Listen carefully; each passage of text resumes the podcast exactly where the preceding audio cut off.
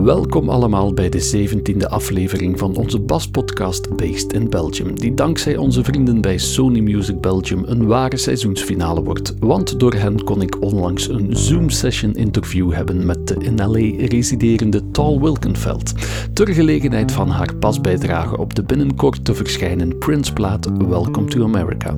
Opgenomen in 2010 al, maar nooit eerder verschenen.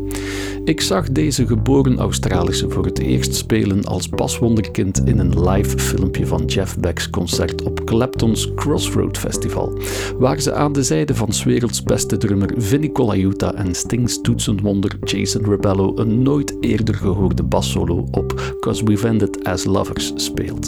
De song die Stevie Wonder cadeau deed aan Jeff Beck voor diens bijdrage op Superstition.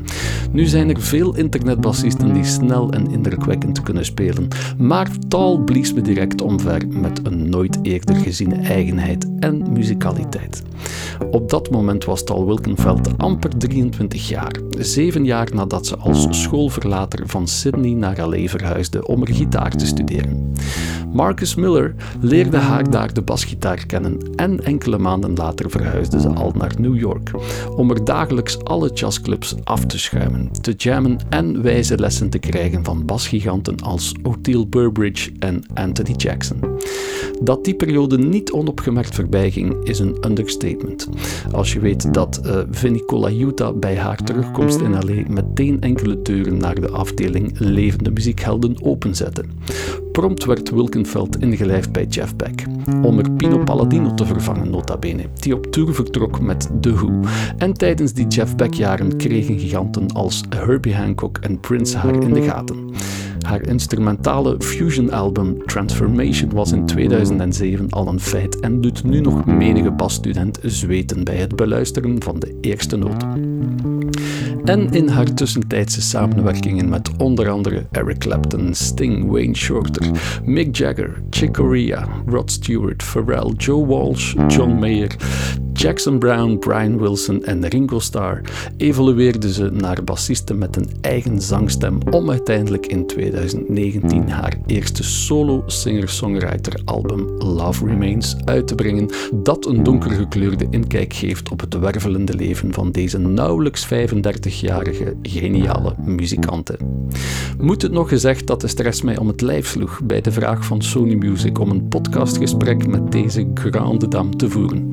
Stress maar ook een ongekende goesting en gedrevenheid om Tals verhaal te laten resoneren binnen Based in Belgium.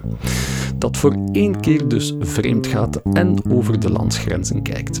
Mijn beste Frans moest ik al eerder bovenhalen in de podcast, gezien onze nationale taalsituatie, en deze keer blink ik mijn middelbare school Engels op, live vanuit Hansbeke City in de Greenhouse Studio van heerser Wart Stouwaard naar de City of Angels bij de enige echte Tal Wilkenfeld thuis.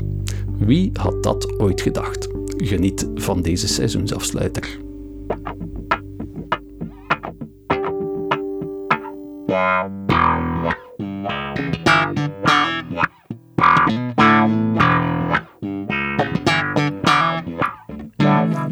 Based in Belgium. Hi there, Tal Wilkenfeld. Good What's afternoon. yeah. Nice bass playing.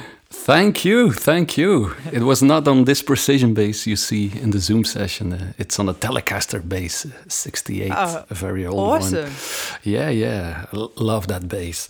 You got some good gear. Yeah, yeah. But I'm pretty old, so now I have the money to find good gear. so you're there in LA? Yeah. We're, we are here in Hansbeke City, uh, close to Ghent. I don't know if you've ever been to Belgium. I haven't, but well, I've been to Belgium. Um, Okay, you played here. not. I have not. I have not. Um, to my knowledge, played there. I could have. I could have played there and. Um, you were very like drunk. no, well, I gotta tell you a really funny story. Like I, Uh-huh. um, I, a couple years ago was really excited because me and my band were gonna go and play in San Francisco, and like everyone's always told me about San Francisco Okay. my whole life. So I went there and I'm on stage and I go, San Francisco, I'm so excited. It's my first time playing here and I can't wait to meet you all. And I'm I go to the merch desk and I'm signing autographs after and someone's like, Can you sign this photo of the last time you were here in San Francisco playing? Because the tours move so quickly sometimes I and you and all the stages and hotels start to look the same and you often don't have time to go and appreciate a city. All right. So yeah, that's true. That's true. Sometimes I honestly don't know where Yeah. I am. It's- That's it's- so embarrassing, but it's true. wow, it, it's funny. but I mean, I know that I have been to Belgium just as a tourist, like just moving through there. But I I don't think I've played there. reminds me of a funny story. I went to see a concert of Body Count, which was a band in the 90s, hardcore rap band with Ice T, the rapper. And Ice T came on stage and said, Hello, Belgium. You're the best capital of Holland. wow. and Belgium and Holland is something uh, we clash, yeah. you know. We speak Yeah. speak the same language, but not really the same accent. It's like the Yeah. Aussie accent and the US accent. Well, I've heard that there's a lot of like great Mm-hmm. music there and like a lot of avid music appreciators as well. Yeah, I think your record would do it really good here in Belgium. So if you come awesome. play here with Love Remains, I think you can fill the the A AB is a, a very good uh, venue here, one of the best venues in Europe. And with your music, uh, I think you would be really in the place there. So uh, Awesome. maybe talk to your management and say, go to Brussels to the AB, play there. Okay. But okay, dear Miss Wilkenfeld, let's keep it official. You might not be aware, but there's a big bunch, bunch of fans here in Belgium uh, who are fond of your bass playing, your singing, your voice, and your songwriting. And that's why we're so delighted to have you here in this podcast interview in our community called Based in Belgium, uh, which is the only podcast in Belgium talking with and about bass players. And uh, as you are our very first uh, international guest, we'd like to give you a good warm welcome in your mother tongue. So, my fellow Aussie Kristen Cornwell, an acclaimed jazz singer here in Belgium with Australian roots, will explain why we are so thrilled to have you here. Hi, Tal. I'd like to give you a big, warm Aussie virtual welcome to my adopted land of chocolate and beer. As I've discovered over the last 17 years, there's a lot more to the place, of course, but it was a bit of a shock to discover that the entire country is only about half the size of Tasmania. And for the Belgians listening, that's the little island at the bottom of Oz. Most Belgians, like Aussies, are a friendly bunch and have a good sense of humour. The complex language situation here gives a lot of fodder for jokes. All the dialects and three official languages makes for the odd lost in translation moment. And for an Aussie girl, working in a multilingual musical community has been a challenge. But I've pretty much managed to master one of the languages, thankfully. Only a couple to go. I'm sure you do too, but there are things I miss about home. Family, of course, but I really also miss the raucous birds. They just seem to sum up something about Oz. But Belgium's a great place to live, and there are some really good musicians here making interesting music. I'd like to congratulate you on all your achievements and thank you for the inspiration you provide for the next generation of young women in jazz. Not bad for a chick from down under. Enjoy your chat with Walter. Cheers. Nice. That was Kristen, and she really is a very good jazz singer. So if you oh, meet her awesome. down under in Australia one time, you should really jam with her. She's really great. Yeah. Okay, cool. So for the listeners who do not know, Tal is not a US citizen. You are Australian. So does it feel like home in LA or are you still missing Australia I mean, I am well? technically a, a resident. now. Okay, you're Um, a real American now. I I've been here for for half my life, so it uh I do feel and it's, you know, the the half of my life where I'm you know, more active, obviously, in life. So I feel more American in a way than Australian. um, All right. Cut my teeth here and, yeah, just sort of pretty much, yeah, pretty much grown up here, been here since I was 16. So, but I, I definitely do miss Australia. Um, mainly just because my friends and family are there. But culture wise, uh, I love being in America. For sure, LA must be the center point of pop music and, and even jazz music. There's so much in the musical There's a scene lot. there. There's a there's a lot going on here, in every genre. But when you moved to LA, you were 16. Yeah, Rumor says you were a school dropout, so you moved I was. without your parents to to the USA. yeah. You were I got a scholarship 16. to. A, I know. I got a scholarship to a music school, and Uh-huh. um, I was the youngest person by by quite a lot of years at Yeah. the school. Um, and then I moved to New York, like Yeah. because I, I came here as a guitar student, and I switched to bass when I was 17 Mm-hmm. Like once I was already in the U.S. Okay. And then a few months after switching to bass, I moved to New York and I studied bass in New York. Mm-hmm. Not like just school of the streets, just going out to all the clubs. All the jazz clubs, all the jam sessions. Yeah. And I had some amazing mentors. Like the first few weeks of me playing bass, I met Marcus Miller in LA and we sat down and, and played Yeah. together and he showed me some stuff. Great. And then I moved to New York and befriended Anthony Jackson, who said he'd already heard about me. He's like, Oh, Lee Okay. Ritenour told me about you. And I was thinking, How did Lee Ritenour hear about me? I've been playing for two months. Like, how is this? How did that happen? yeah. Uh, Maybe through Vinnie, because I also met Vinnie in LA when I'd been playing for like, yeah, yeah. two months or something. And then I moved a few weeks later to New York and met Anthony. But anyway, so Anthony became a mentor of mine, and we'd sit in his car once a week for hours and hours, and he'd just be explaining like, so, So like cool. he'd put on a he'd put on an album. He'd like, so, what do you think about what the bass player is doing right here? And I would say what I thought. He'd so did, did you like the fact that he hit the fifth here instead of in? And then what would you have done differently on this pre-chorus? And did you see how the drummer just pulled it back just slightly before this mm. chorus? And and we just go back and forth and talk about records. Like we we sat down twice with with basses. Every other time was just talking, and that's mm-hmm. kind of how I learned how to play. Was just talking. In the car Yeah. of Mr. Anthony Jackson. Yeah. Must have been a big car. No, it was a regular sized sedan. He's quite big, huh? Yeah. Anthony Jackson. When I see him Yeah. play, I always think, It was his birthday the other day, actually. Okay. Yeah. Congratulations. Happy birthday, Anthony Jackson. Yes. Great He's player. the best. He's literally like, he's so ridiculously great. He's incredible, huh? Yeah. We, we have a rumor here in Belgium that the bass player on Wake Me Up Before You Go Go by George Michael and Wham should be Anthony Jackson. You know Oh. that? I, I don't know. I'm not sure. That's why I'm checking this story, Yeah. but no one can because it, it goes quite. He plays very basic, and now all of a sudden you hear that crazy stuff. So I thought, yeah, maybe it could be Anthony Jackson. Maybe. So we have to look for it.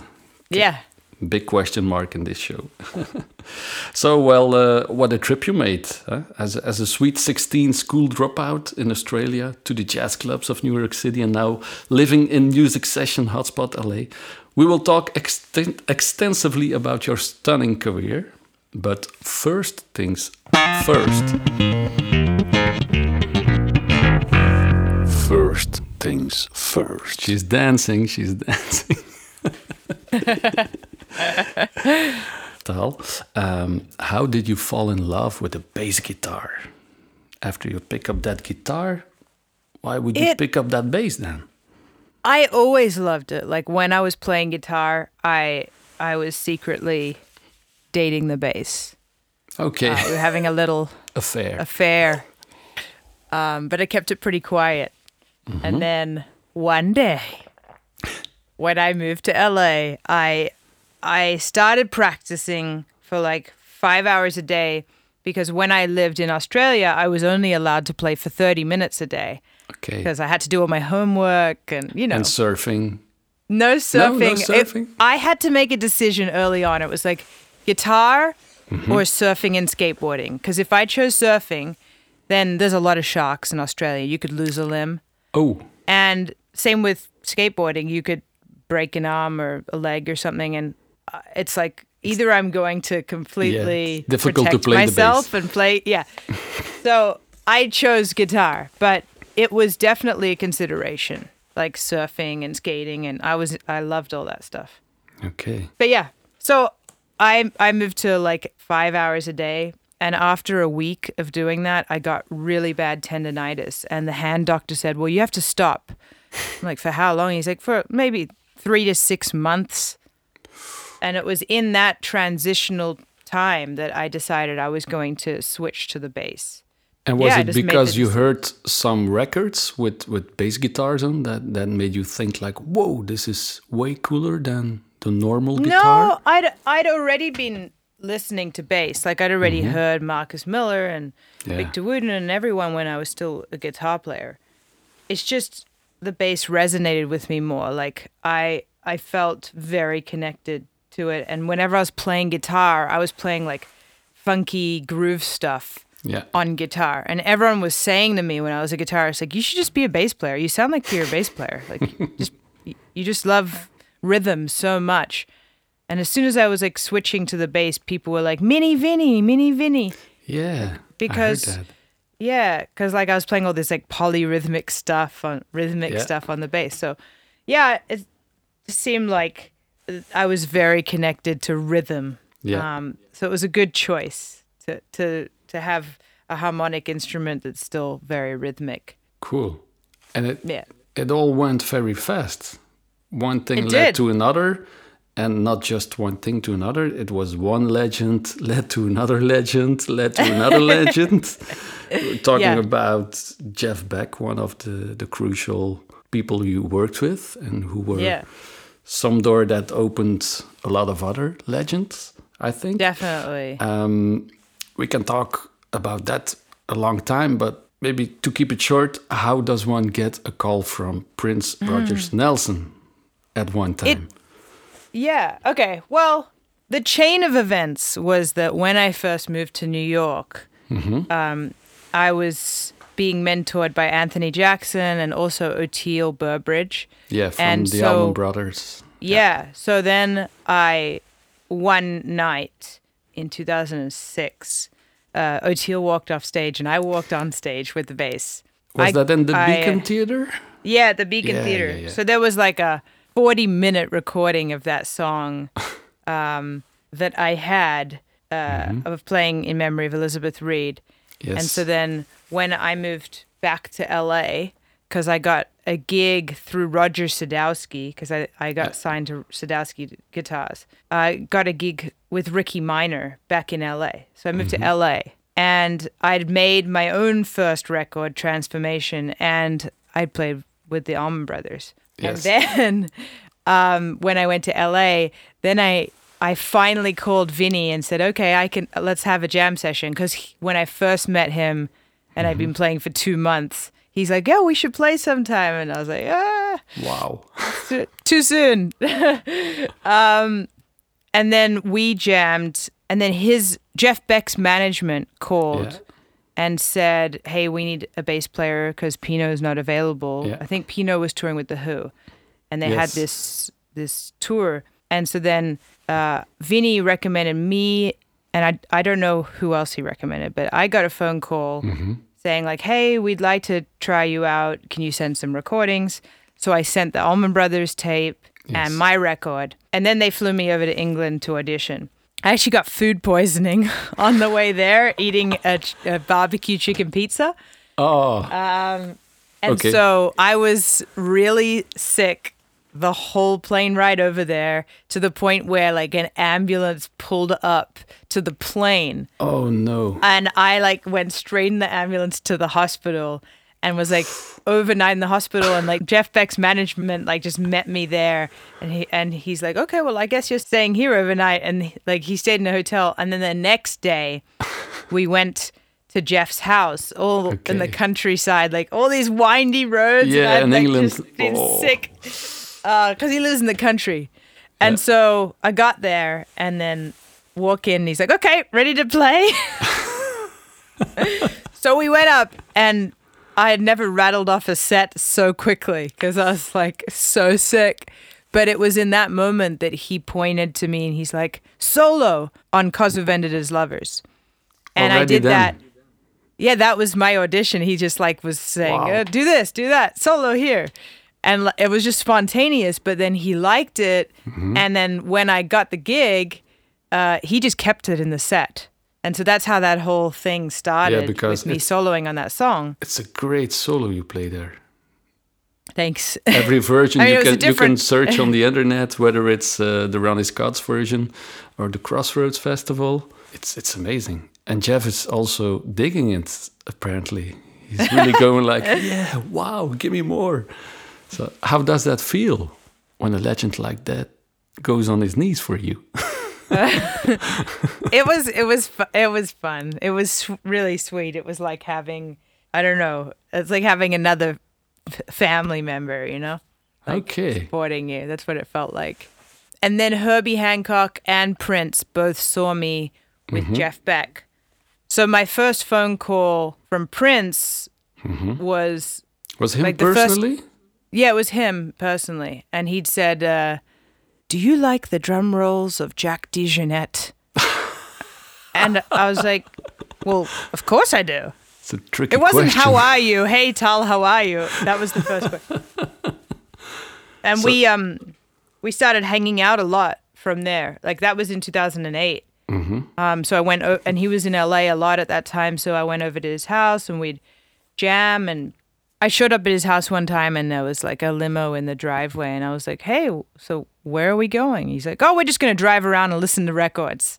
Wow. So, So and then cool. it was like a flashback to the Anthony Jackson days because he was like, So, what do you think of this chorus? And what do you think about what they're saying here lyrically? And what would you like? All the same kind of things. Wow. I'm like, I- I'm used to this kind of conversation. I dig it. I dig. But this time the car was bigger yeah, right. And Prince was smaller. Prince was smaller.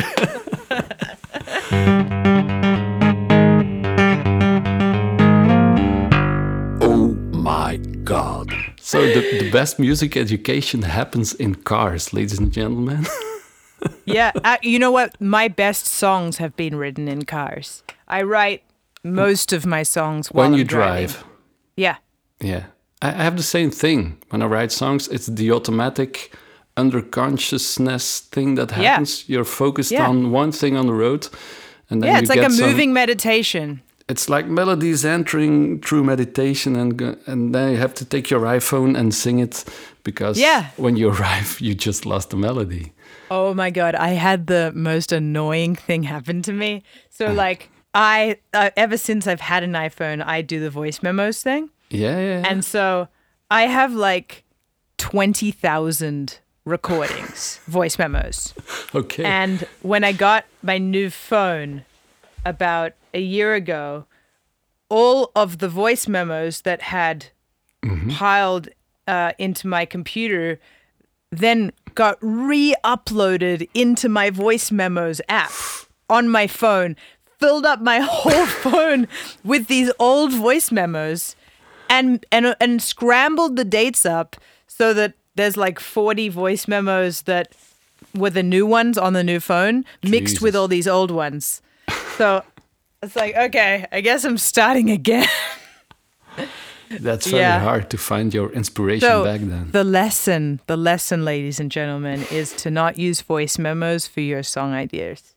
okay just write it down in in in yeah, in a score maybe Just open up Pro Tools on your phone. yes instantly that would be a good Yeah. app on the iphone the pro tools app so back to prince so you played on his record that is going to appear here in Belgium July the 30th, I think. Mm-hmm. Uh, it was already recorded in 2011, I think. Welcome Ten. to America. 2010, yeah. That was before the Welcome to America tour. Yeah. He played in Belgium then. The bass player Well- Mm-hmm. was Ida Nielsen then, the, the Danish player. She, Yeah. she plays a lot in Belgium as well. Oh, cool. Um, Yeah. She plays a lot with a Belgian drummer called Patrick Dorcéan. A very good Cool. uh, drummer. Yeah, absolutely. Um, Awesome. But I'd like to focus a little bit on, on the recording sessions with uh, Prince. Yeah. So it kind of started like we started hanging out in 2008 and then in 2009 we got together just him me and John Blackwell in uh, like a rehearsal space in LA and we jammed and just we're kind of like just making stuff up on the spot. And then a few months go by and like I guess it's like now probably early 2009 and mm-hmm. he c- called me he's like I want to make a trio with you. And, you know, it's kind of like got like that Hendrix vibe. And also, like, Yeah. he'd also s- told me when he first called me that him and Larry Graham had been watching videos of me on YouTube and they'd been watching some old stuff of me playing my own music, but also the stuff with Jeff Beck, which La- is, Larry Graham was just watching you with Prince, yeah, because they're really good friends. the inventor of slap. Yeah. Wow. but continue. Sorry. I'm just flabbergasted. I love Larry Graham. Yeah, he's amazing. Um, and then so I guess they were watching videos of me, and then they saw some stuff of me and Jeff. Um, and even though the Jeff stuff was a quartet, like it had keyboards, it was centered around the sound of like a mm-hmm. bass, drums, guitar trio. But like the keyboards was playing more of a supportive role. I mean, or he was soloing. Like there's quite a few solos he did, but Yes. Um, Jason can play anything. It's he wasn't doing a supportive role because that's all he could do. It's just that that's that's kind of like mm-hmm. was the sound. Jeff's sound Yeah. was was kind of based around that. So so I think when Prince called me saying he wanted to make a trio, it was kind of like coming from that because the first song him and I jammed on was Stratus, which he saw me playing with Jeff Yes. and then also um, the Hendrix stuff. And so he's like, "What? Can you find me a drummer?" And I'm like, "Okay, well, like anyone?" He's like, "Just well, I trust, I trust you to find the right drummer for Okay. this." So like, okay. So I called up like four or five drummers, and I was like, "Hey, you want to come over and jam?" I didn't say what it was for or anything. So that was my test. Like, hey, if you don't come and jam with me, you're losing out on an opportunity that you don't even know about. Did I say yes? anyway, they all did say yes. But um and then I ended up sending three options to Prince and he went with Chris Coleman. Yeah. The great gospel Um, drummer. I mean, not just gospel, he's great Yeah. at everything. Yeah, yeah. Um, And then he flew us out together. I guess this was maybe the very end of 2009 at this point.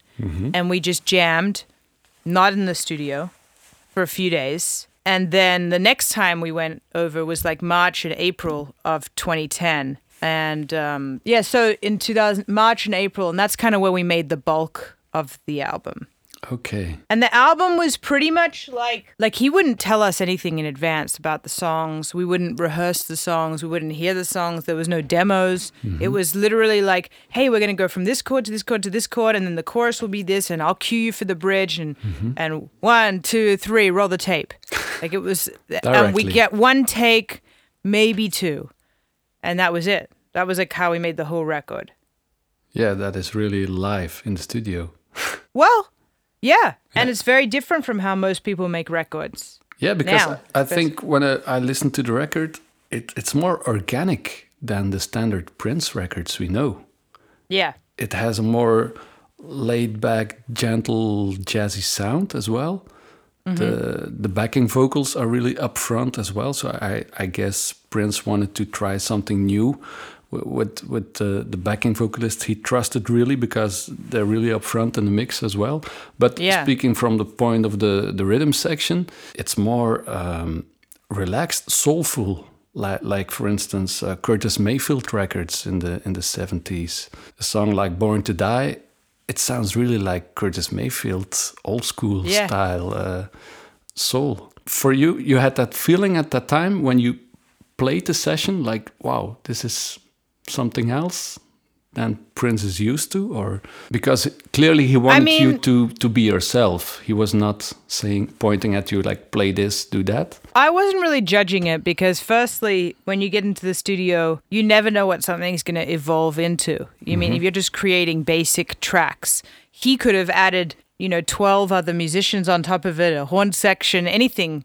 So it's not like I was judging it as a finished product at that point. But Yeah. we were responding to each other since we recorded it as a trio. We didn't we didn't record it with any vocals, not him and not the background Th- Those were overdubs, and same with the keyboard. So all we were doing was recording instrumental tracks of a trio, and so mm-hmm. obviously we were responding to each other in that way. But Prince was not singing on those No. pilot tracks. So No. you, you, you didn't have a clue what the song was about. Nothing. it was like all just intuition, like Okay. be, like feeling feeling our way through it. Oh, that's great. That's quite an, an experimental point of view for Yeah. such a big artist. Yeah. Yeah, we we then had some listening sessions, like listening parties mm-hmm. that year too, like I think at the end of April or early May of 2010 and he'd already added all the vocals and the keyboards and mixed the album Yeah. at that point. So it was a very quick turnaround. like uh, I was pleasantly surprised and inspired Yeah. because you know it's easy to take as long as you want on a record especially when you own your own studio and stuff it's like you know you could go on for years Yeah. And he just was moving super fast through it and seemed uh, very sure of what he was doing which is really inspiring So yeah So why didn't he bring out the record immediately then? well he asked me to tour with him right when we finished the record. He's like, I want to make a tour called Welcome to America, and we want to um, do some residencies and this and that. But I already had committed to Herbie Hancock and Jeff Beck for that year. It was a very busy year. So I don't know why. Um, maybe because the record was so focused on this trio that maybe it, it seemed appropriate to wait, but then the opportunity never came up because I, I, I just don't know. It could have been a musical decision or Yeah. a political decision. Like, could have been anything, really. You yeah, know? Were you surprised when you heard the the end product of the record, the master tape? Because you didn't um, know the lyrics, you didn't know the melodies at the moment you, I thought- you played I thought on it was with ama- Chris Coleman. Yeah, I thought it was amazing. Yeah. I, I don't I don't know if I was I don't know if I surprised is the the mm-hmm. word I'd use, but I, w- I was as happy and yeah, I I'm a big fan. Of course. yeah. And being a songwriter yourself, could you connect with those songs? What do you Oh, sing yeah. about? Um, It, way more now. Way more now. okay. Because I was really just that was when I was I hadn't even really transitioned into doing my own stuff. It was only a couple years later. So now when I listen to the songs I'm like, wow, like he's such an amazing writer. it's ridiculous. And Yeah. such a forward thinking artist. I mean, even just the ly- the lyric where he's like, um, the iPad lyric, I'm like, Yeah. dude, literally the iPad came out maybe two months before you wrote that lyric. What? Is that true? Um, it was written already before the iPad came out in 2011. no, no, no. no. It the lyric was written maybe two Yeah. months after an i the first Yeah, iPad. yeah, yeah. We're talking Like- about the opening song, Welcome to America, Yeah, on the record. yeah. yeah, yeah. Great. But there's another prophetic song, I think, on the record, which is called uh, Stand Up and Be Strong. It's the only song that is not written by Prince on the record. Yeah, It yeah, was written by Dave Pirner from Soul Asylum. yeah. We know that band very well in Belgium. It was a, Okay. a a very famous grunge band in the 90s here. Um, but in the lyrics, there's some prophetic things, but I don't know if if Prince did that on purpose or, or not. Maybe you can help me out because Well, the- it was the second time that he recorded that song. He originally recorded that song with Michael Bland uh, years before that. I don't even think that I don't think that was released either. Yeah.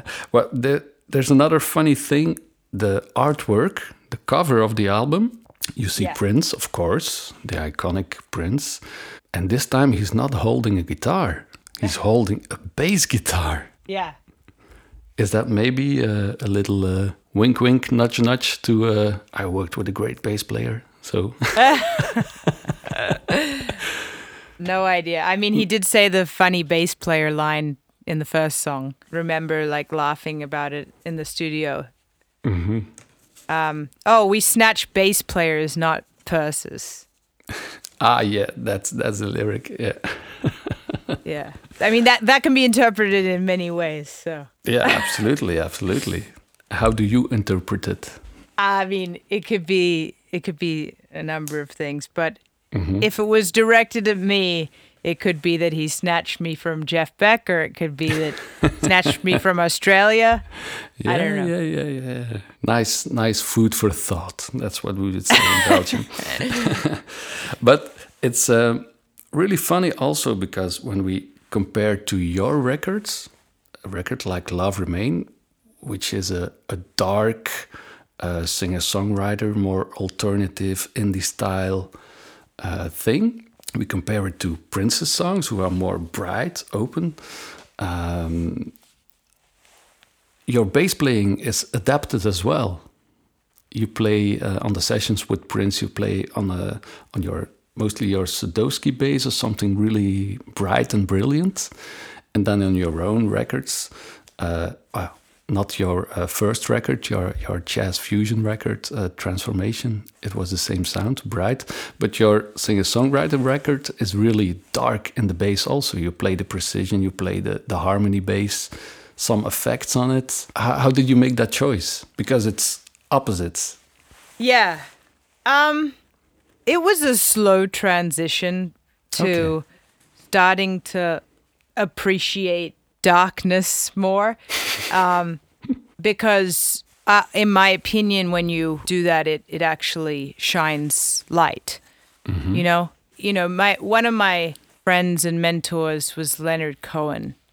And Yeah. a lot of people describe Leonard as really dark in his lyrics. And to me, it's like there's nothing lighter than hearing someone like express the truth in such a powerful way. Yeah. And that really excites me to, to talk about difficult things and having the music kind of reflect that. And so, yeah, it was like a slow transition to sort of honing in on the sound. And a lot of it also was my producer, Paul Stacey, um, also really loves just that dark sound in general. So, and Blake Mills as well. Like we, we all kind of appreciate that kind of a Yeah. thing. Blake Yeah. Mills, the fantastic Blake Mills. He's really a dark soul, I think. You never see him smile on on on uh, on videos, live Oh no, he he, he He's smiles all the time. Sorry, He's, a very he's a he's a very light-hearted, funny, is it? fun guy. Yeah, he's not Oh. dark at all. It's nice to know that because he always looks very autistic Focused. in his music, focused, and therefore we think, hmm, he's kind of dark person maybe. Oh no, not at all. Not at all. cool. He's very kind and sweet and fun and funny and interesting and smart guy. Like he's very educated in a lot of things. Yeah, it must be because he's, I think, the the most innovating guitar player at this moment, mm-hmm. and the most sought after guitar player as well. Though he doesn't play mainstream guitar. Right. Yeah. It- it's really funny that guys like Jackson Browne, who make clean pop music, ask him for sessions. But I then wouldn't call Jackson Browne like a clean pop artist though. in Belgium I mean it's pop quite of the 70s. Yeah, that's Oh, true. is it? But in Belgium it's quite mainstream. You hear it on the mainstream radio here. It's Wow. kind of uh, okay. Because mainstream radio here is Mm-hmm. is only things that are coming up like on top 40, like Ariana Grande and Miley Okay, yeah. Cyrus and Taylor Swift. Like that's mainstream radio for us. And everything else goes like Jackson Browne would be like on a rock radio or, um, Okay. yeah, it wouldn't be on mainstream. Yeah. Belgium is so different. You should come over Yeah, that's cool. I like that. and remember it afterwards that you you've been here. Jackson just came out with a really good record just the other day. A new one with Yeah. Blake Mills in it? No, No. Damn. sorry. We'll check it out. We'll check it out. Um, in this podcast, we're also looking for some good advice for our fellow uh, listeners, bass players. So I don't know if you can help us out.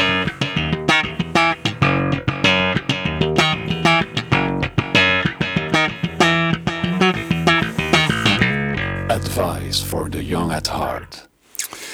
We've had uh, many good advices from Belgian bass players already, 16 to be more concrete. Um, what is your good advice to every youngster who wants to pick up the bass? I would say learn non bass player things. Like, try to make your bass not sound like a bass without losing the bottom end. Just imitate Wayne Shorter or, Yeah. you know, or Blake Mills or, you know, imitate anybody that isn't on your instrument. Okay. That's deep. Is that because Mr. Wayne Shorter gave you a very strange compliment before you went on stage one day? That's not why. it's because Wayne Shorter is one of the most amazing musicians of all time. Uh, Just you know, you don't don't limit yourself to the bass guitar just because you've chosen the bass uh-huh. guitar. Learn a, a Herbie Hancock solo. You know, Le- like, yeah. learn other things. And did you transcribe those solos? I've transcribed little bi- bits and pieces of mm-hmm. things. I've actually not transcribed a lot, comparatively speaking, to other mm-hmm. musicians, but I've also played so many different styles of music with so many different people. And I'm always just trying to not play something that is a typical move for a bass player to play. Like I'm trying to think of like, well, what could I do that I haven't heard someone do all the time, mm-hmm. you know? And try to think of a different way to go about it because when you learn too much of of bass lines or this and that, you you can get locked in, your hands even get locked into patterns and um, your brain into patterns of thinking of, of how to approach chords and, and things and and you have to sort of break those habits. you mean that it can limitate you? yeah, totally limit you because Yeah. you know you're just thinking like a bass player, like Yeah. influenced by the last bass player. But if you just want to sound like a good musician, then you're trying to just find new ways to approach music. You know. I think personally that's also what that's the difference you make as a bass player because you see a lot of uh, even uh, yeah girls and women on YouTube playing very well, very fast, very technically point of view perfect, but in my ears they don't always make music. So I think that's a little bit what you're about to say here. Yeah, when I Shorty just- said play eternity, just be open to Yeah. the space, the cosmos, and and it's all in here like it's in your heart and your mm-hmm. soul and it's whatever's out there is in here. And so just to find a way to to to be a conduit for whatever is coming through and let it be like the most organic and non-conditioned version of that. Okay. you know? So so you're just expressing music. And that takes like a lot of questions. Like and what i mean by that is like you know i think sitting in the car with anthony jackson early on taught me mm-hmm. that music's not about what's going on here. It's about what's going on here and here. And so that's like a version of self-inquiry which is in many traditions a very spiritual practice. Yeah. like meditation you know when you look at like hindu tradition and like vedanta or you look at buddhism and like the thing that is in common is that self-inquiry where you're asking questions and like really trying to pass through all of the mm-hmm. conditioning So you're, it's like you're, it's like not like you're gaining new knowledge. It's like you're, you're, you're wiping away the ignorance, yeah, yeah. yeah. and then you get to like what is really true, and mm-hmm. and it just kind of can come through. I think that that's a good practice. You know, like asking asking yourself certain questions, like, why did I choose to do that? Why did I choose to play that? That that wasn't that wasn't authentic. I did that. I did that because I wanted to step out and be heard. yeah well, that's yeah. not the right reason to do that. Well, what would you really do there if you really wanted the song to come out in that moment? What would be the perfect thing to play that would support that song? Oh, well, it would be it would be this. Oh, okay. and like, well, what sound would really like it? You know, when when you're when you're first starting to play, like you just want to find a way for your voice to be heard. And mm-hmm. then as time goes on, you try to figure out like, well, what's the best way to elevate this particular piece of music and what does this piece of music need? Yeah. Like it's not about you anymore, it's about whatever that music is and what it needs. That that's the best advice we ever had, I think. You would be a very good teacher in high school for bassists or musicians and to- I've been asked to teach before and it's like all like if I taught someone it would be all conceptual, there would be no playing. Cause I mean, like you're saying, Philosophy. everything Yeah. yeah. everything is available on YouTube. Tube. Technically, theory wise, you can study Mm-hmm. everything you want. Like but that's not gonna help you play music, you know? Great. that that's so, that's so nice. That's so nice. Uh, that's also why you and your band, when you go out to play, you do meditation before you go on stage. I believe Yeah. Yeah. to get in that mental status, like okay, be authentic, be yourself, and be focused. Yeah, yes. Because there's also a lot of stress that happens on the road leading up to a show in the sound check and the traveling and this and that and everyone trying to call home to their families and there's a lot going on and it's just like okay take 20 minutes here and and let's just kind of connect with ourselves and each other right before we go on it really makes such a huge difference Yeah. like a huge difference All right. because there's a few times we've we've missed out on the chance to meditate because you know mm-hmm. we've been running late and the the shows are never as good. We're just kind of Really? going through the motions. Yeah, Okay. yeah. Such a big difference. Mm-hmm. Okay. Everybody should meditate. Meditation can be everything all the time, but that takes even more practice. Like moving meditation, like meaning right now we're meditating on bass Yeah. and absolutely. on development. So if you're constantly meditating, then you don't need to. But that takes someone that's really, really put in a lot and lot of work. you know, we're just getting started here. Yeah, yeah, yeah, yeah. Yeah, we're very serious now, so maybe let's move on to a more light chapter. Here it comes. Okay, everybody, Here go and party. It takes two. It takes two. Sometimes you really have to choose, because if you don't choose, you lose either way. If it's chocolate or vanilla, I'm is going with vanilla.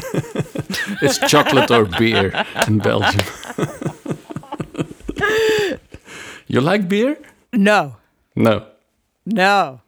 I've tried beer one time in my life when I was 14, and I thought it was the most gross thing. Yeah, I've but- never tried it since. But 14 is way too young.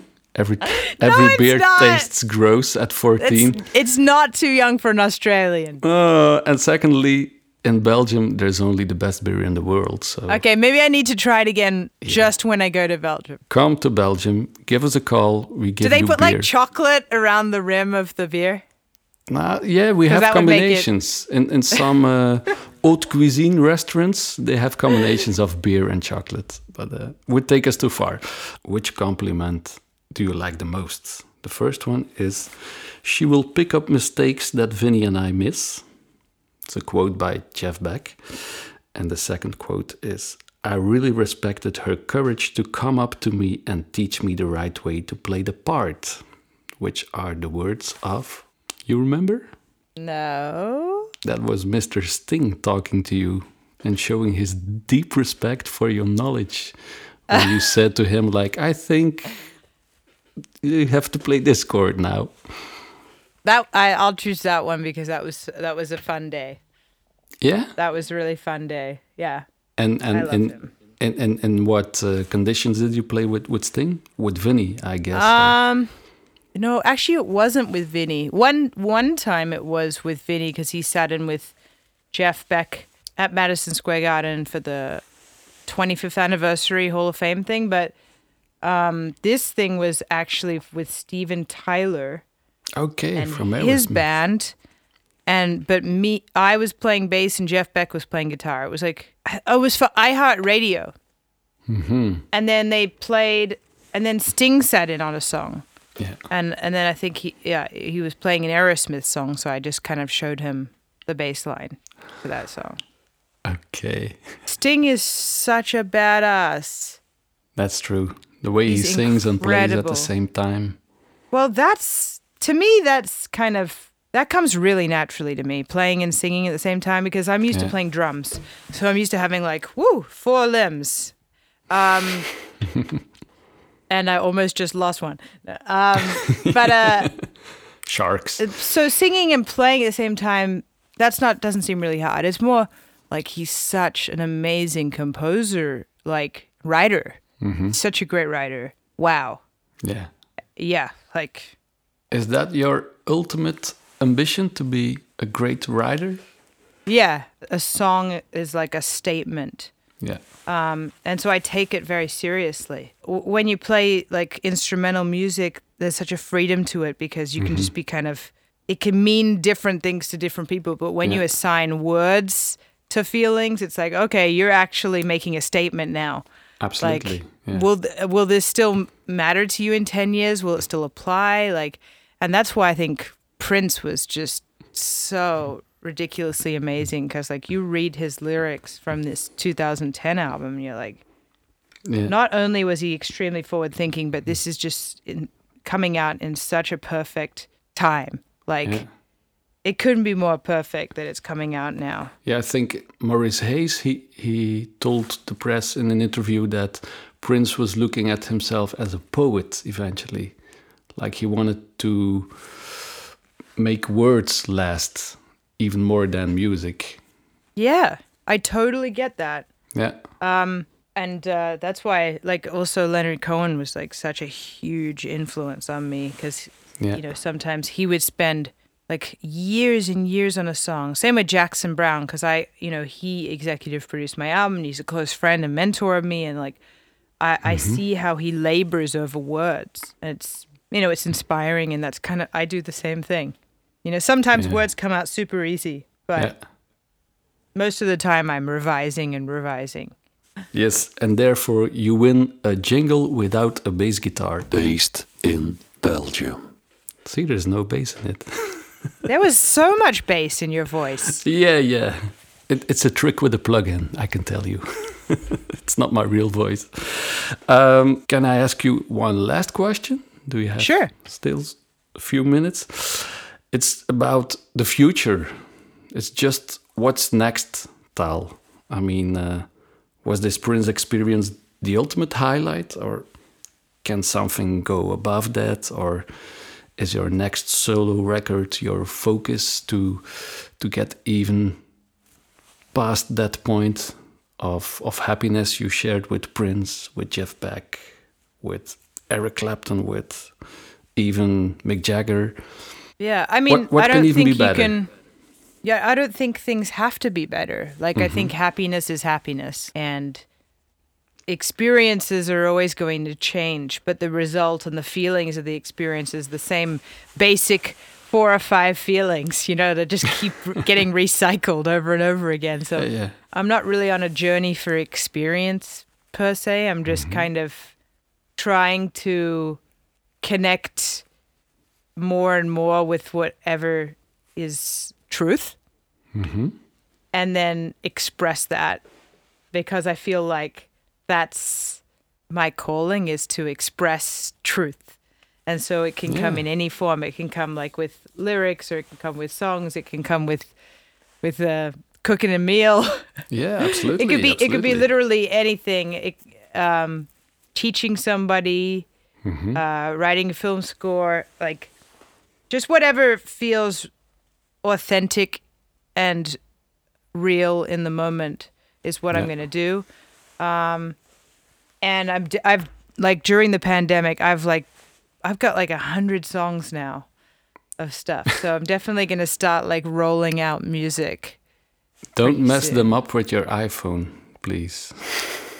Well, these were like these I've uh, actually like you know made little recordings of Okay. outside of voice memos just in You have demos already.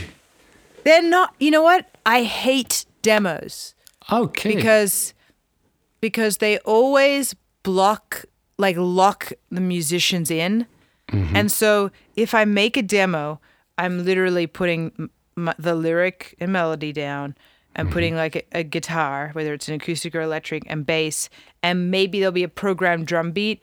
But if I play it to musicians to record in a studio, I will not play them the demo. I would just sing it Yeah. on a guitar, like so that for them the possibilities are endless and they can create whatever they want. But if they hear my programmed drum beat or, or, or shitty guitar part, Yeah. it's like they're gonna think that I want that. And like I would rather like what we did on Love Remains was I would play them the song on a guitar or on a mm-hmm. bass or whatever, and we go in and we just try stuff. And then after five, six takes of honing in our parts, then me or Paul or everyone would sort of start chiming in and we'd I'd be like, Well, actually I was hearing more of this kind of drum beat. Can you try this? And then I can start throwing in my ideas once they've let all of their first instincts out. Because if you start the other way around mm-hmm. and you tell them all your ideas first, they're never going to get to that innocent, open place of, of whatever inspires them first. Yeah. So, my advice is to musicians as well. This was another piece of advice is don't play your demos to musicians if you're hiring the musicians based on you liking their taste and their instincts. If you hire a Blake Mills or you mm-hmm. hire a Paul Stacey and a Jeremy Stacey or a Benmont Tench or Zac Rae or whoever, like let them do their thing first. Yeah. And then if you want to hone it in, tell them after. Okay. Yeah. Because after all, we're working with humans, not machines. Yeah. And and always assume that someone that you respect is going to come up with something better than you could have ever have imagined. You know? Absolutely. assume that that that first, yeah. you know? Absolutely. Cuz you're not going to lose your ideas. You've you've already recorded them on your demo or you've got you've been living with your songs for, you Yeah. know, however many days or weeks or years. So why not get get everyone's fresh Yeah. take on it first? Yeah. So yeah, I've I've I've recorded my little scratch demos, but they're just for my ears and whoever the producer will end up being to like get to know the songs. That's it. Mm-hmm. Great. That was again good advice. I'll, I'll give you a jingle.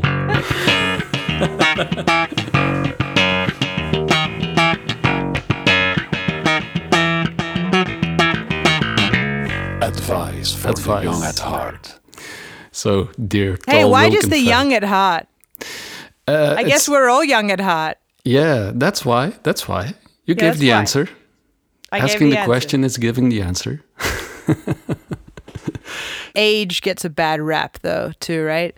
Mm-hmm. Like like what would old at heart be? Like is that wise or is it jaded? Like when I think of Ah, that, okay. Mm-hmm. you know what I mean? Like why does old have to mean jaded? I don't know. I'm not that old. Ladies and gentlemen, advice for the old at mind. we have a new jingle. I'll sample that Add with your permission. bass- some bass to that. Yeah, I'll put my plug-in on your voice and send it on to LA. Advice for the young at heart. you don't need a plug-in. I don't need a plug-in. Great. Oh, wow. Tal Wilkenfeld. Thank you so, so much for being the, the very first international guest here in Belgium from LA. Cool man. So whenever you uh, you decide to to tour through Europe, just give us a call and we try to uh, promote you where we can because we really love your record. Love remains. Awesome. Thank you. And as a big uh, thank you to Sony Music, we're gonna say we really love the new Prince record. Just buy it because it's great. I love it. And when Tal Wilkenfeld loves it, everybody should love it. So, Tal, a big thank you. Thank I you. I hope to see you in Belgium someday. And I uh, really hope so too, and I'll take you up on the the chocolate coated beer. absolutely. Let's do it. And that. if I hate it, then it's uh it's my fault then. you'll know it. Okay, this was so great. So thank you very much.